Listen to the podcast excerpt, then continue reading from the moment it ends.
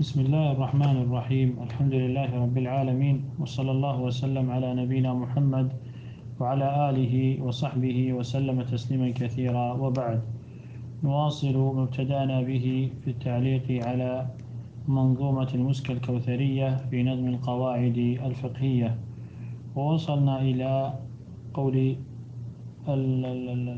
قول الناظم حفظه الله وعادة محكمة. هذه القاعدة الخامسة من القواعد الخمس التي ترجع إليها جميع المسائل الفقهية وهي العادة محكمة. والعادة في اللغة مأخوذة من العود وهو التكرار. وفي الاصطلاح فهو ما يستقر في النفوس من الأمور المتكررة المعقولة. من الأمور المتكررة المعقولة في الطبائع السليمة. آه وقيل ما اعتاده الناس من أمور دنياهم. ما اعتاده الناس من أمور دنياهم. و ومحكمة مأخوذة من التحكيم وهو القضاء والفصل بين الناس. أي أن هذه القاعدة أي أن هذه العادة تكون حكما يرجع إليه عند الفصل والقضاء بين الناس. والعادة تكون على نوعين عادة فردية وهي ما يعتاده الشخص الواحد في شؤونه الخاصة كعادته في النوم والأكل وغير ذلك. والثاني عادة جماعية وكما يعتاده الناس من أفعالهم وأقوالهم تنتج عن اتجاهات عقلية وتفكير جماعي. ومعنى هذه القاعدة أن كل ما أتى على لسان الشارع مطلقا ولم يحدد ولم يحدد بزمان ولا مكان ولا عدد فإننا نرجع إلى تحديده بالعرف. إننا نرجع إلى تحديده بالعرف. ودليل هذه القاعدة قال تعالى وعلى المولود له رزقهن وكسوتهن بالمعروف. يعني بالعرف.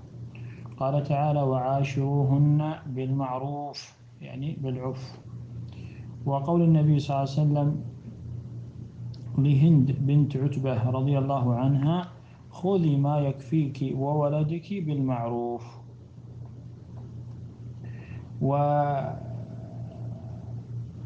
وشرط وشروط اعتبار العادة على أنها حكم شرعي آه، لها عدة شروط.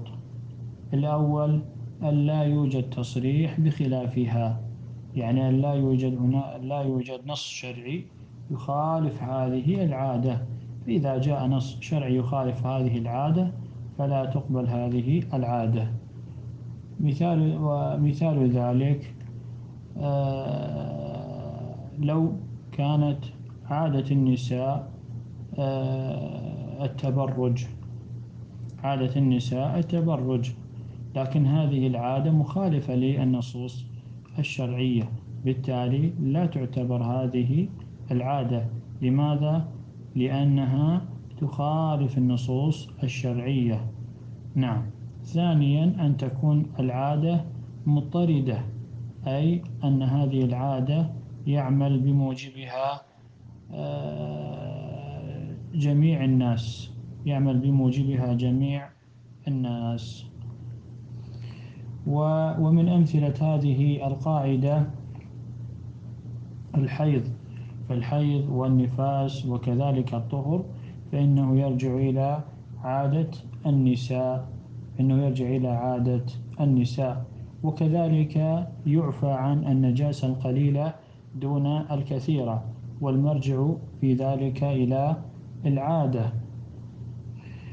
وكذلك آه، أنه لا يؤثر الفاصل القليل بين الإيجاب والقبول في البيع والمرجع في ذلك إلى العادة. كذلك اليد لا تقطع في السرقة إلا إذا أخذ المال من حرز والحرز يرجع فيه إلى آه، يرجع فيه إلى العادة. هذا وصلى الله وسلم على نبينا محمد وعلى آله وصحبه وسلم تسليما كثيرا.